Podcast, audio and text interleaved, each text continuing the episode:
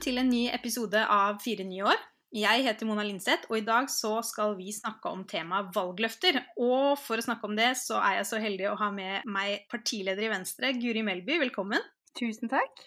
For å begynne med det, da, hva er egentlig et uh, valgløfte? For det er jo litt sånn myter rundt hva politikere lover og hva de faktisk holder. Og, og nå skal du gi tolv uh, valgløfter til, uh, til velgerne. Hva innebærer det? Altså, et valgløfte er jo det vi er veldig tydelige overfor velgerne på at vi kommer til å prioritere hvis vi får en mulighet til å ha innflytelse på politikken. Og så er det jo som du sier, altså Noen ganger så får jo politikere anklager mot seg da, for å ha brutt løfter. Og det, det, kan jeg forstå, for det kan jo oppfattes som at man da lover for mye, eller lover ting man ikke kan holde. Jeg syns jo det er viktig å være ærlig rundt sånne valgløfter og si at uh, et parti som uh, Eh, altså nå har vi 4,4% vi kom i regjering. Da kan ikke vi forvente at vi får gjennom alt som vi har egentlig forplikta oss overfor velgerne for at vi skal jobbe for, men vi kan få til en god del. Så det her er jo en måte å tydeliggjøre hva vi kommer til å prioritere når vi kommer i forhandlinger. Men vi, vi kan jo ikke love at vi får det akkurat sånn. Jeg synes Et godt eksempel da, på det som jeg mener er sånn virkelig klassisk løftebrudd, er når de tre, tre rød-grønne partiene satt i regjering i åtte år. Alle gikk til valg hvert år på å innføre elleve måneders studiestøtte, men de greide aldri å gjennomføre det. Så selv om alle tre partiene var enige, alle tre hadde lovd det, så fikk de det til. Og det synes jeg, Da har de et forklaringsproblem. Mens når vi går til valg på ja, at vi skal si nei til ny oljeleting, så vet jo vi at et av de partiene vi skal samarbeide med, har et helt motsatt syn, altså Høyre. Og Det betyr jo at vi vil være nødt til å forhandle veldig hardt for å få det til. Og Da kan vi jo ikke på en måte garantere at det blir akkurat sånn som vi vil, men vi garanterer at vi skal jobbe for det. Og så syns jeg vi har en ganske god track record da, på de sakene vi har prioritert høyt. Eh, vi gikk jo til valg på å verne Lofoten, Vesterålen og Senja. Det har vi fått til. Vi gikk til valg på tredeling av foreldrepermisjon. Det har vi fått til. Vi gikk til valg på et lærerløft. Det har vi fått til. Så, så jeg syns jo at vi har ganske god troverdighet da, på de løftene som vi gir til velgerne. Så velgerløftene er på en måte det som står øverst på to do-lista di når du eventuelt går i forhandlinger med Erna etter valget, dersom du skulle komme i posisjon til det? Ja, det er helt riktig. Eh, og det er jo et viktig signal både til partiorganisasjonen, men ikke minst til velgerne. Eh, og grunnen til at vi da har valgt å, å, formulere noe som løfter, i stedet for å bare si at vi går til valg på hele programmet, er jo For vi vet jo at det er mye for velgerne å sette seg inn i. Det er krevende for dem å få oversikt over alt. Selv om vi har eh, redusert programmet vårt nå, så er det vel fortsatt på sånn rundt 70 sider. Det er jo en viktig greie i politikken å være tydelig på hva man faktisk prioriterer. For man kan mene veldig mye, og det er mange partier som går til valg på mange litt sånn eh, gode ønsker, da. Eh, og i et program også så formulerer man jo litt sånn ut ifra et kanskje litt sånn best case, det vi håper å få til. Mens disse løftene har vi gått gjennom både med tanke på at det er blant de områdene som er viktigst for oss. Men også ting som vi faktisk tror at vi kan få til. da. Eh, sånn at eh, bak disse tolv løftene som vi har formulert, så ligger det et, eh, en god intensjon om at dette er noe vi faktisk tror vi greier å gjennomføre. Så hva er da de tolv løftene som du og som Venstre går til valg på da? Altså Tolv løfter det er jo færre enn 40, som Jonas hadde, og så er det flere enn fem, som Bjørnar Moxnes hadde. Disse tolv er hovedsakelig valgt ut innenfor det som er våre hovedsaker, altså klima, kunnskap og verdiskaping. Så vi har tre på hver av de temaene. Og så har vi noen løfter som eh, vi kan som politisk nå da, si går litt under kategorien ymse, men som er saker som er viktige for oss. Um, som jeg kan komme litt tilbake til. Men klart, Vi har jo både i denne regjeringa og tidligere hatt en veldig tydelig prioritering av uh, kunnskapspolitikk. Alt fra barnehage til skole og høyere utdanning. Vi har hatt en veldig tydelig prioritering av klima og miljø, og ikke minst også en satsing på verdiskaping og det grønne skiftet. Så vi fortsetter med de tre hovedsakene, og har da konkretisert de hovedsakene inn i tre konkrete løfter hver. Så jeg kan jo starte med klima og miljø, da. Eh, og det første løftet er vel veldig gjenkjennbar venstrepolitikk, tror jeg. Og det er nemlig det at det alltid skal lønne seg å velge miljøvennlig. Og bak et sånt løfte så ligger det jo veldig mye konkret politikk. Alt fra at vi skal videreføre elbilfordelene, som vi jo går til valg på. Det er viktig for at eh, elbilrevolusjonen skal fortsette også ut på bygda, og for familiene, og for alle dem som ennå ikke har fått tatt del i den. Så er vi opptatt av at de skal vare ut neste stortingsperiode. Eh, det handler om satsing på kollektivtrafikk, tog, bymiljøavtaler, den type ting, som gjør at det lønner seg for folk å velge miljøvennlig i hverdagen. Også satsing på sykling og på gange, men også alt som gjør at næringslivet tar den grønne omstillinga, at de investerer i teknologi som gjør at de kutter i utslippene sine. Så det er det første løftet. Og så er det det andre, nei til ny oljeleting. Det var jo en viktig diskusjon på landsmøtet vårt i år. Det er første gang Venstre går helt tydelig inn for at vi ikke skal lete etter mer olje. Og det her jeg har lyst til å kommentere litt, for det her er kanskje noe av det som da skiller oss mest fra eh, et av de partiene vi jo har sagt at vi ønsker å samarbeide med, nemlig Høyre. Bak eh, det her, nei til oljeleting, så, så, ligger det jo ikke at vi skal sette en sluttdato for oljenæringa. Vi mener at mye av den, eh, altså de prosjektene som nå er starta og som er i gang, må få lov til å gå sin gang. Det handler også om å gi en forutsigbarhet for de aktørene som har investert, men også for å gi en sånn forutsigbarhet til en næring som da skal gjennom en stor omstilling. Vi må jo greie å ta vare på både folk og alle de økonomiske ressursene som er knytta til denne næringa når vi skal gjennom en sånn krevende omstilling. Men det her er jo et løfte som er gitt ut ifra den vissheten vi har om at verden ikke kan ta opp alle de olje- og gassressursene som er funnet, dersom vi skal nå aller helst 1,5-gradersmålet, men også 2-gradersmålet. Det at vi da i Norge skal bruke store ressurser, både kapital og mennesker, til å lete etter olje, gjennomføre investeringer som kanskje fører til på en måte plattformer som kommer om 10-20 år, og dermed skal være i drift i kanskje 50 år til for å lønne seg, det mener vi rett og slett er både klimamessig og ikke minst også økonomisk uansvarlig. Så eh, for Norge, som, eh, som trenger å gjennomføre en omstilling, som vi egentlig er midt inne i, vi trenger å flytte flere arbeidsplasser fra fra olje- og gassnæringa over i annen eh, industri og annen teknologi, eh, så mener vi at dette er det beste måten å gjøre det både på en økonomisk og klimamessig ansvarlig måte. At vi rett og slett lar være å lyse ut nye letelisenser for olje. Og så er det det tredje løftet vårt på klima og. Og det er rett og slett at vi skal ta vare på naturen. For oss så er jo altså klimakrisa og naturkrisa er to sider av samme sak. Eh, vi kan ikke løse den ene nå ta hensyn til den andre. Eh, det å ta vare på biologisk mangfold, det å verne viktige naturområder, det å sørge for at folk har tilgang på naturen i hverdagen sin, det er kjempeviktige saker for Venstre. Det har det alltid vært. Vi har alltid gått foran, eh, om det er for å verne eh, nasjonalparker, om det er for å sikre grøntområder nært der folk bor, eller om det er å sikre ren luft og rent vann. Det er viktige saker som også kommer til å være viktige de neste fire årene.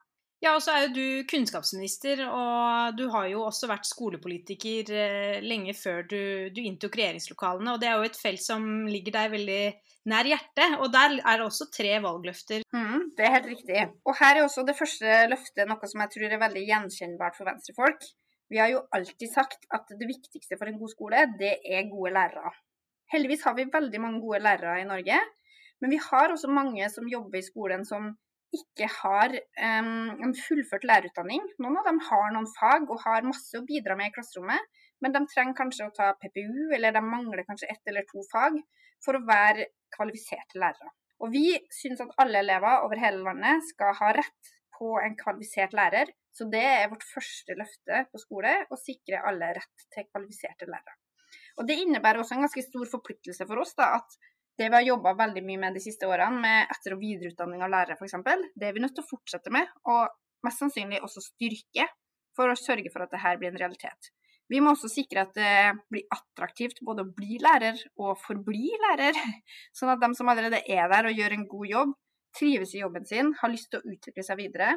Så et viktig tiltak der er jo bl.a. det her med gode karriereveier. Altså at du kan, at du kan få nye oppgaver, nye ansvarsområder, og også ny kompetanse som gjør at du opplever at du utvikler deg da, i hverdagen. Og så sier vi også at flere skal fullføre videregående opplæring. Det er litt sånn artig når jeg sitter her som kunnskapsminister. For, eh, for ti år siden så ble jeg faktisk ansatt i Kunnskapsdepartementet som byråkrat for å jobbe med et prosjekt som handla om fullføring i videregående. Og på den tida, for ti år siden, så var det drøye 70% som fullførte videregående opplæring. Eh, og det hadde vært sånn i mange, mange år. Og alle var egentlig veldig sånn usikre på om det var mulig å øke den gjennomføringsgraden noe. For det virka litt som at, uh, at, det hadde liksom bitt seg fast. da. Men det som har skjedd da, de siste ti årene, er jo at gjennomføringsgraden har økt sakte, men sikkert. Og de siste tallene som vi fikk nå, i juni, De viser at for det siste kullet som gikk ut av videregående i fjor, så var gjennomføringsgraden på 79,6 Og Det betyr ganske mange tusen flere ungdommer som får et vitnemål eller et fagbrev i handa, og som dermed har gode muligheter for å realisere potensialet sitt og for å få et godt liv. Men vi ønsker jo ikke å stoppe der. Vi er jo nødt til å sørge for at enda flere greier å fullføre. Vi har lagt fram en fullføringsreform. Den skal vi følge opp. Som bl.a. gir rett til å fullføre, bruke lengre tid da, på å fullføre. Rett til mer tilpassa opplæring. Eh, så vi ønsker jo at vi skal greie å øke fullføringsgraden med nye 10% de neste ti årene. Og så det siste løftet, som handler om de, noen av de yngste barna, og ikke minst kanskje også foreldrene deres.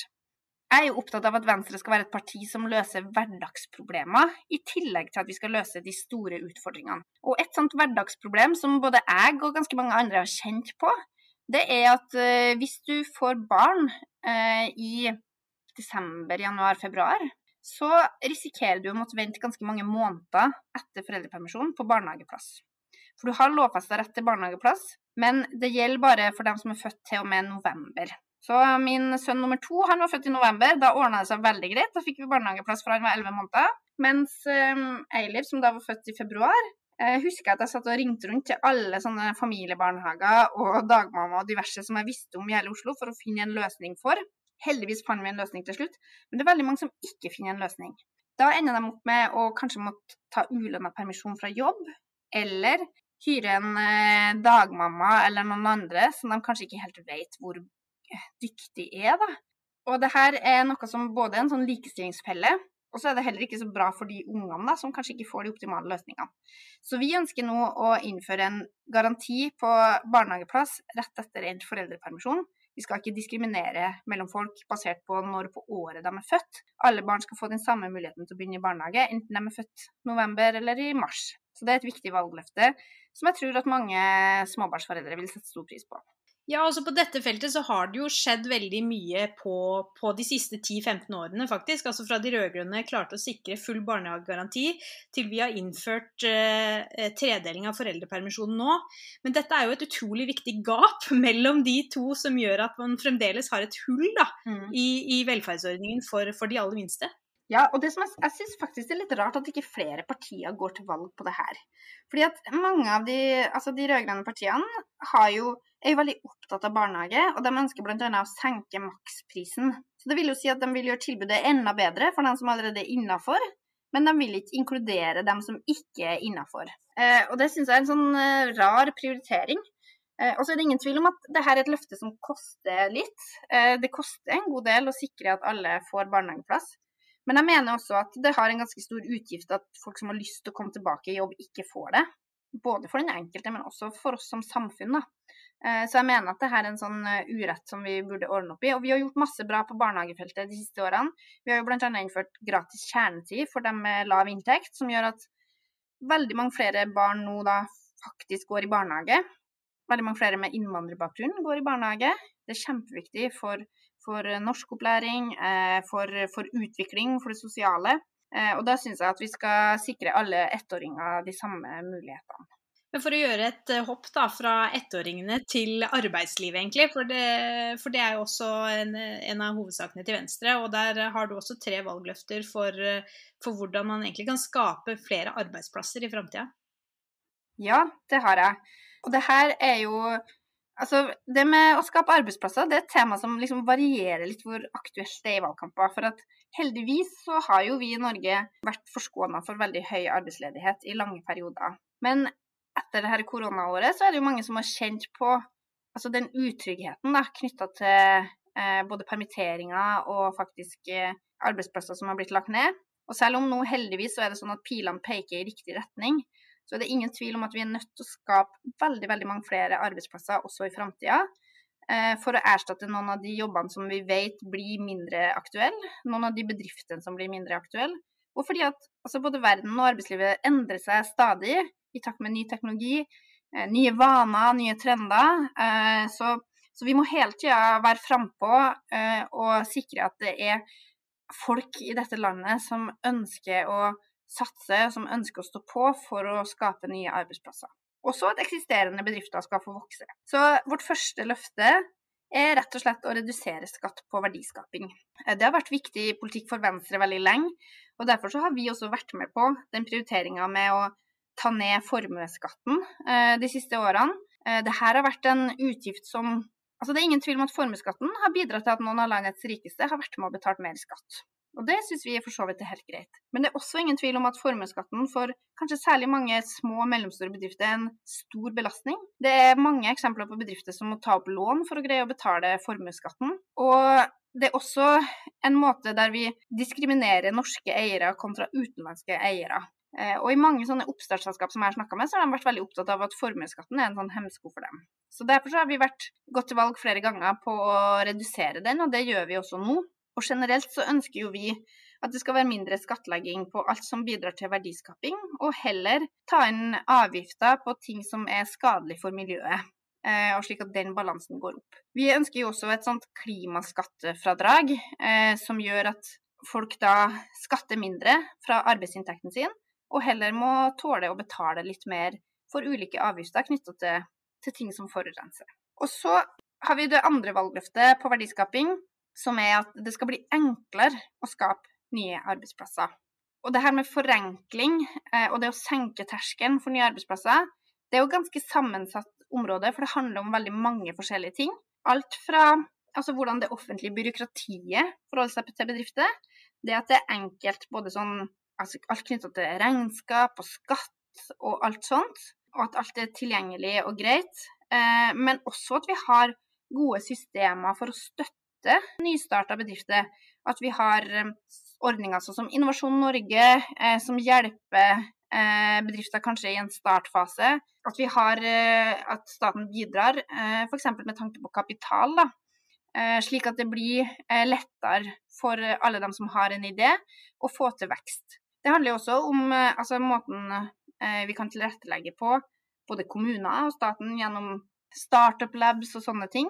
Så, så det her handler rett og slett om alle de, egentlig, hver for seg litt sånn små tingene vi kan gjøre, som gjør det enklere for dem som ønsker å starte for seg sjøl. Eh, og så eh, vil vi jo gi folk mer frihet og fleksibilitet i hverdagen. Og er det én ting denne pandemien virkelig har vist oss, så er det at det er svært mange jobber som er stedsuavhengig.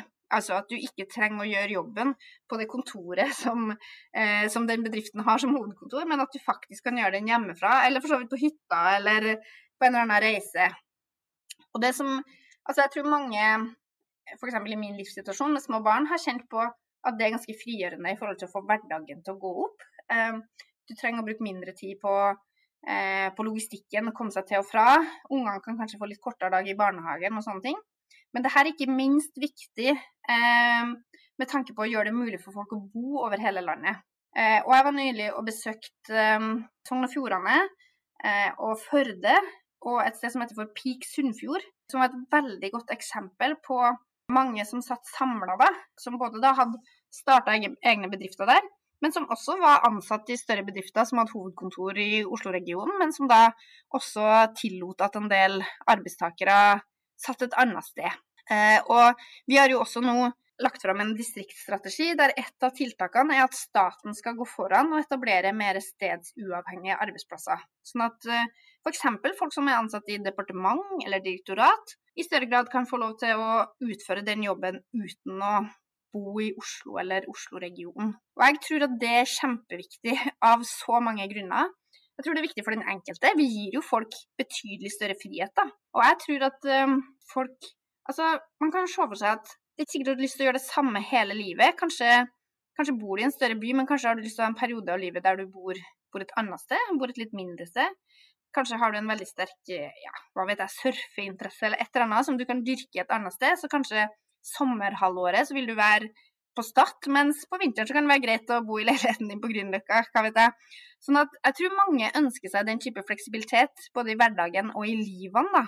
Det her kan virkelig bidra til det.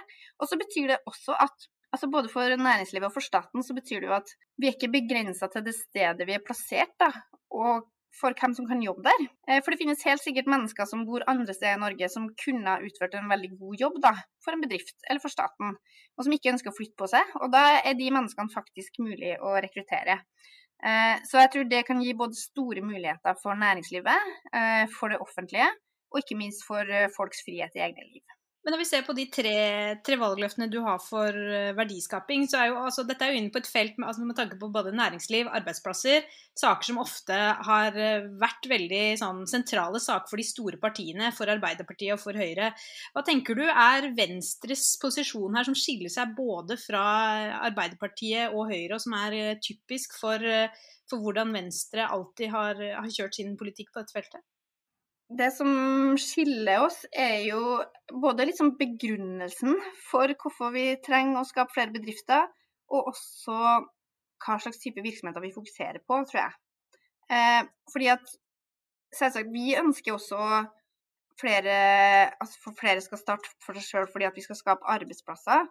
Men det handler jo også om at vi i større grad jo heier fram en endring i norsk arbeids- og næringsliv basert på en litt sånn grønnere økonomi.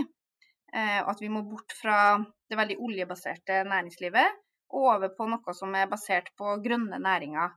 Eh, og det er jo både fordi at vi tror altså vi vet at næringslivet er en helt avgjørende faktor for, for det grønne skiftet, for å drive teknologiutvikling framover og for å drive endringer framover.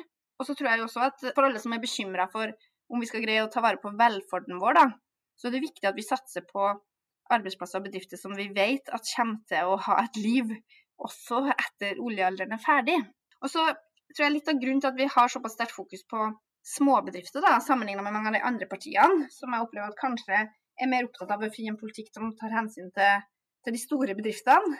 Eh, det er jo ikke fordi at de store bedriftene ikke er viktige, men fordi at hoveddelen av næringslivet vårt består faktisk av små og mellomstore bedrifter. Det er det som er ryggraden. Og veldig mange av de gode ideene starter jo faktisk i det små, for å på en måte sikre det mangfoldet da, som vi ønsker oss i næringslivet vårt, så, så, er det viktig å legge til rette for de små. Og så har vi ofte sagt at det vi gjør som er bra for de små, det er ofte også helt fint for de store. Det er ikke noe negativt for dem. Men det handler litt om hvor du har fokuset ditt da, når du gjennomfører politikkendringer. En ting som vi nå nettopp um, har kommet med en endring på, er jo eh, f.eks. ordninger knytta til opsjoner. Det er noe som betyr mest for for mindre bedrifter som er i en sånn oppstartsfase, enn det betyr for eh, store bedrifter. Så det handler litt om hvilke tiltak vi prioriterer først, da. Eh, og da prioriterer vi de tiltakene som er, som er bra for de små. Men for å gå tilbake til det du, du trakk frem helt i starten, som er tre valgløfter som, som, jeg tror, som dekker litt ulike felt, men som jeg tror er veldig gjenkjennelige liberale kampsaker for venstrefolk. Hva, hva, er de tre siste valgløftene? Jeg tror alle kan ikke veldig gjenkjenne til at det her er tre løfter som er kjempeviktige for Venstre. Eh, det er saker som kanskje er viktigere litt sånn ideologisk sett, mer enn at det ligger under hovedsakene våre. Det første som jeg da vil trekke frem, er jo valgløftet om at vi vil gjennomføre rusreformen. Vi kom jo veldig langt i denne perioden her. Vi fikk jo regjeringa til å legge fram en rusreform som eh, går fra straff til hjelp. Dessverre så fikk ikke den reformen flertall i Stortinget. Men vi har hele våren vært veldig tydelige på at vi har ikke tenkt å gi oss. Dette er en kamp vi ikke har tenkt å tape, så dette er bare et midlertidig nederlag. Eh, og vi kommer til å prioritere den saken veldig høyt i neste stortingsperiode. Først og fremst fordi at vi vi må ha slutt på at folk lider under den politikken som vi fører på rusfeltet. Og dette er en sak som jeg opplever at engasjerer veldig bredt, egentlig. Eh, kanskje en av de sakene som også i størst grad skiller oss fra andre partier. Jeg har ikke registrert at noen andre partier har løfta opp nettopp ruspolitikk som en av sine hovedsaker. Så for meg så er det veldig åpenbart at for velgere som er opptatt av ruspolitikk, og som er opptatt av eh, å gå i en kunnskapsbasert og mer moderne retning, så finnes ikke det noe annet valg enn Venstre. Og Derfor så tror jeg også det er kjempeviktig at vi, vi har med oss den som et valgløfte. Eh, og så har vi troverdighet på det, i og med at vi har vist at vi faktisk prioriterte også i forrige periode, selv om vi ikke greide å komme helt i mål. Og så um, løftet som da eh, er nummer 11, som også er et kjempeviktig løfte, det er at vi vil ha mer europeisk samarbeid, og ikke mindre. Grunnen til at vi har formulert det akkurat sånn, er at det nå er svært mange partier som går til valg på mindre europeisk samarbeid enn i dag. Så det er ikke sånn at de andre vil bare beholde status quo, at de er fornøyd med EØS-avtalen, og det er greit. Nei, de vil faktisk Altså flere av de partiene som har fremvekst, vil si opp EØS-avtalen. Eh, og mange av dem som ikke nødvendigvis sier at de vil si den opp, de ønsker også å reservere seg i forhold til mange av delene av EØS-avtalen. Og jeg mener altså, Er det én ting det siste året har vist oss, så er det jo hvor avhengig Norge er av internasjonalt samarbeid. Av at vi har fri flyt av arbeidskraft, at vi har mulighet til å selge varene våre til utlandet. Ikke minst at vi har internasjonalt samarbeid og forskning som gjør at vi har utvikla vaksiner i rekordfart mot en helt ny og ukjent virustype. Og akkurat det siste året så har jo også folk kjent på de veldig sterke begrensningene vi har hatt på friheten vår. Eh, jeg aner ikke hvor mange mailer jeg har fått fra folk som, som er frustrert fordi at de ikke se familien sin som bor i et annet land. Det her viser jo at nordmenn lever veldig sånn eh, internasjonale liv, egentlig. Og veldig mange jobber i utlandet, studerer i utlandet og reiser på en måte mellom ulike land med den største selvfølgelighet. Um, og nå har vi kanskje sett at det her er faktisk ikke noe vi kan ta selvfølgelig. Og så er det én ting til som jeg mener også påminner oss om hvor viktig EØS-avtalen er. da. Uh, vi ønsker jo også et enda tettere samarbeid i, ved å bli fullt medlem av EU. Men um, vi har jo nå akkurat brukt uh, masse ressurser på å forhandle fram en handelsavtale med Storbritannia som gikk ut av EU. Og jeg mener Den prosessen viser oss for det første hvor utrolig krevende det er å inngå den type avtaler. Så hvis vi skulle gjort det med alle de landene som nå er i EU, så ville det ha Altså det ville krevd en helt enorm kapasitet fra byråkratiet vårt. Det ville fort ha ført til at vi har masse ulike avtaler med mange ulike land. Kjempekrevende for vårt næringsliv å skulle forholde seg til. At kanskje kan du selge det med sånn moms eller sånn toll til det landet, og så har ikke den samme avtalen et annet sted. Det ville vært helt umulig for folk å forholde seg til. Um, så, så det her eh, tror jeg er en viktig sak både for folks bevegelsesfrihet, for at vi skal greie å løse de store utfordringene, og ikke minst så er det helt avgjørende for eh, arbeidslivet og for næringslivet vårt. Og så er det det siste valgløftet, eh, som jo er å styrke kulturen, idretten og frivilligheten. Og jeg vet at i Venstre så er det kjempemange mennesker som har stor passion for både kulturpolitikk, eh, for idretten og ikke minst for frivillighet. Um, og er det ett år det er viktig å gå til valg på å styrke nettopp altså denne sektoren her, da, så er det jo i år. Eh, I ja, hva skal jeg si, kjølvannet av en pandemi. da, Vi er ikke helt ferdige ennå, men litt sånn etterdønning av en pandemi. Der de som kanskje har vært hardest ramma, har vært nettopp kulturen, idretten og frivilligheten. Og så har jo vi brukt ganske store ressurser det året her på å bidra til at de overlever. Eh, og det tror jeg jo faktisk at mange har greid også. Men det er ingen tvil om at det kommer til å være veldig, veldig tøft for mange aktører. Eh, alt fra altså enkeltartister som har mista levebrødet sitt, til store eventbyrå.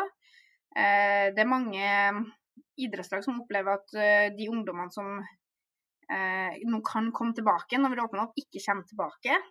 Og det er ikke minst mange frivillige organisasjoner som både har mista inntektene sine, og kanskje også mista litt sånn framdriften i det arbeidet de gjør, da, og som må starte litt på nytt. Eh, så det at vi greier å løfte dem i neste stortingsperiode, eh, sikre f.eks. at vi får en enda bedre ordning for, eh, for refusjonsordninger for moms, sånne ting. Sørge for at vi har fortsatt gode støtteordninger for, for kulturen. Alt det her vil være veldig viktig i neste fireårsperiode for at vi skal greie å komme oss over den kneika som de har vært igjennom. Hvis du skulle plukke én av de som betyr litt ekstra mye for deg, hvem skulle det vært? Du, jeg tror faktisk at jeg må gå for det løftet som jeg snakka om først, nemlig det at det alltid skal lønne seg å velge miljøvennlig. Eh, fordi at For meg så oppsummerer det veldig mye Venstres profil i miljøpolitikken. Fordi at vi har jo faktisk tillit til at folk tar gode valg. Eh, vi ønsker ikke å bruke pekefingeren og moralisere over det. Eh, og altså Det skal være lov å ha bil, det skal være lov å spise kjøtt, alt dette her. Eh, det er faktisk ganske viktig for et liberalt parti å vise fram det. Men vi skal gjøre det veldig enkelt å ta det valget som er bra både for deg og for kloden vår. Eh, og det, altså Elbilpolitikken er det aller, aller beste eksempelet på hvordan vi har gjennomført det. Eh, der har vi, altså Når det gjelder bilparken i Norge, så har vi gjennomført et stort grønt skifte de siste ti årene. Uten at jeg tror folk opplever at de har fått lavere mobilitet eller mindre mulighet til å komme seg dit de skal. Nettopp fordi at eh, altså, vi har drevet fram en teknologi som har bidratt til å gjøre, eh, gjøre det miljøvennlige alternativet egentlig for mange formål bedre eh, enn det forurensende alternativet. Så for meg så er det det løftet som i aller størst grad oppsummerer Venstres politikk. Både at det er klima og miljø som er en av våre hovedsaker, og at det også er veldig knytta til ideologien vår, som, som, rett og slett handler om å gi folk frihet. Eh, vi viser folk tillit, og så har vi faktisk tiltro til at de forvalter den tilliten på en god måte. Selv om det nå eh, vi går inn i sommerferien for de aller fleste, så er jo valgkampen allerede i gang. Og det vil jo også prege sommerferien eh, din. Har du noen råd til alle andre som nå skal ut og diskutere politikk, enten det er med venner og kjente eller det er med folk de møter på butikken, for å for å få en god samtale om politikk, og at man ikke ender i å bare diskutere uenighetene. For eh, litt uenig og litt enig vil man jo alltid være. Ja, for det første så har jeg jo et råd om å ha på seg en eller annen venstreeffekt. Eh, for det kan jo ofte gjøre folk litt sånn nysgjerrig. Så hvis du har på deg T-skjorte eller bare en liten button eller kanskje et sånt Guri-handlenett eller noe sånt, så kan du fort oppleve at folk liksom kommer og spør å ja, er du med i Venstre, du? Ja, liksom, du starter liksom litt der, da. Og så er jo mitt beste triks er jo alltid å starte med å spørre folk hva er de opptatt av. For hvis jeg liksom starter med en sånn lang eh, harang om hvor viktig gratis kjernetid i barnehagen er, og så er de liksom ikke opptatt av det i det hele tatt, så er det bortkastet energi. Så jeg tror alltid lurt å spørre folk hvilke saker er de er engasjert i, hva de bryr seg om, og så ta utgangspunkt i det. Og så syns jeg jo at man eh, skal være ærlig, eh, sånn at hvis det er ting man er uenig om, så er man det. Man skal ikke late som at Venstre mener noe annet enn det vi gjør. For jeg tror det er mange nok, nemlig, som er enig med oss. Um, og så tror jeg at Jeg husker en gang jeg sto på stand, så kom det en mann som fortalte, han starta med å fortelle at han eh, jobba i Statoil og hadde en sånn lang greie om det. Eh, og så sa jeg jo til slutt ja, men da er jeg kanskje ikke Venstre partiet for deg, da. Jo, jo, jeg har alltid stemt Venstre, og det kommer jeg til å gjøre nå også. Jeg bare Akkurat den delen av politikken er ikke jeg enig i, men det er helt greit. For for meg så er det liksom kunnskapspolitikken som er det viktigste. Så, så, så det er noe med å, å, stille masse spørsmål til den du snakker med, i stedet for å bare være den som leverer svarene. Det er egentlig mitt uh, beste tips. Og så tror jo jeg at uh, Jeg håper jo at um, folk er liksom på vei ut av pandemitåka. Eh, og litt sånn opptatt av vanlig politikk, og kanskje litt tørst etter vanlig politikk og vanlige debatter. Så jeg tror du skal ta utgangspunkt i at mange faktisk er positivt nysgjerrig, og positivt nysgjerrig på hva vi mener da, om mange viktige saker. Eh, fordi at de rett og slett eh, ikke har tenkt så mye på helt sånn vanlig politikk de siste månedene. Eh, og det tror jeg også kan være et sånt Jeg tror det er mange som fortsatt da ikke vet hvilket parti de skal stemme på, nettopp fordi at de, det har vært litt lite sånn vanlig politisk debatt. Det betyr at det er mange som sitter på gjerdet, og det å snakke med dem er den beste måten å få dem ned fra gjerdet på. Da sier jeg bare tusen takk for praten, Guri, og riktig god sommer. God sommer, og lykke til til alle dem som har nå tenkt å være Venstre-ambassadører i sommer.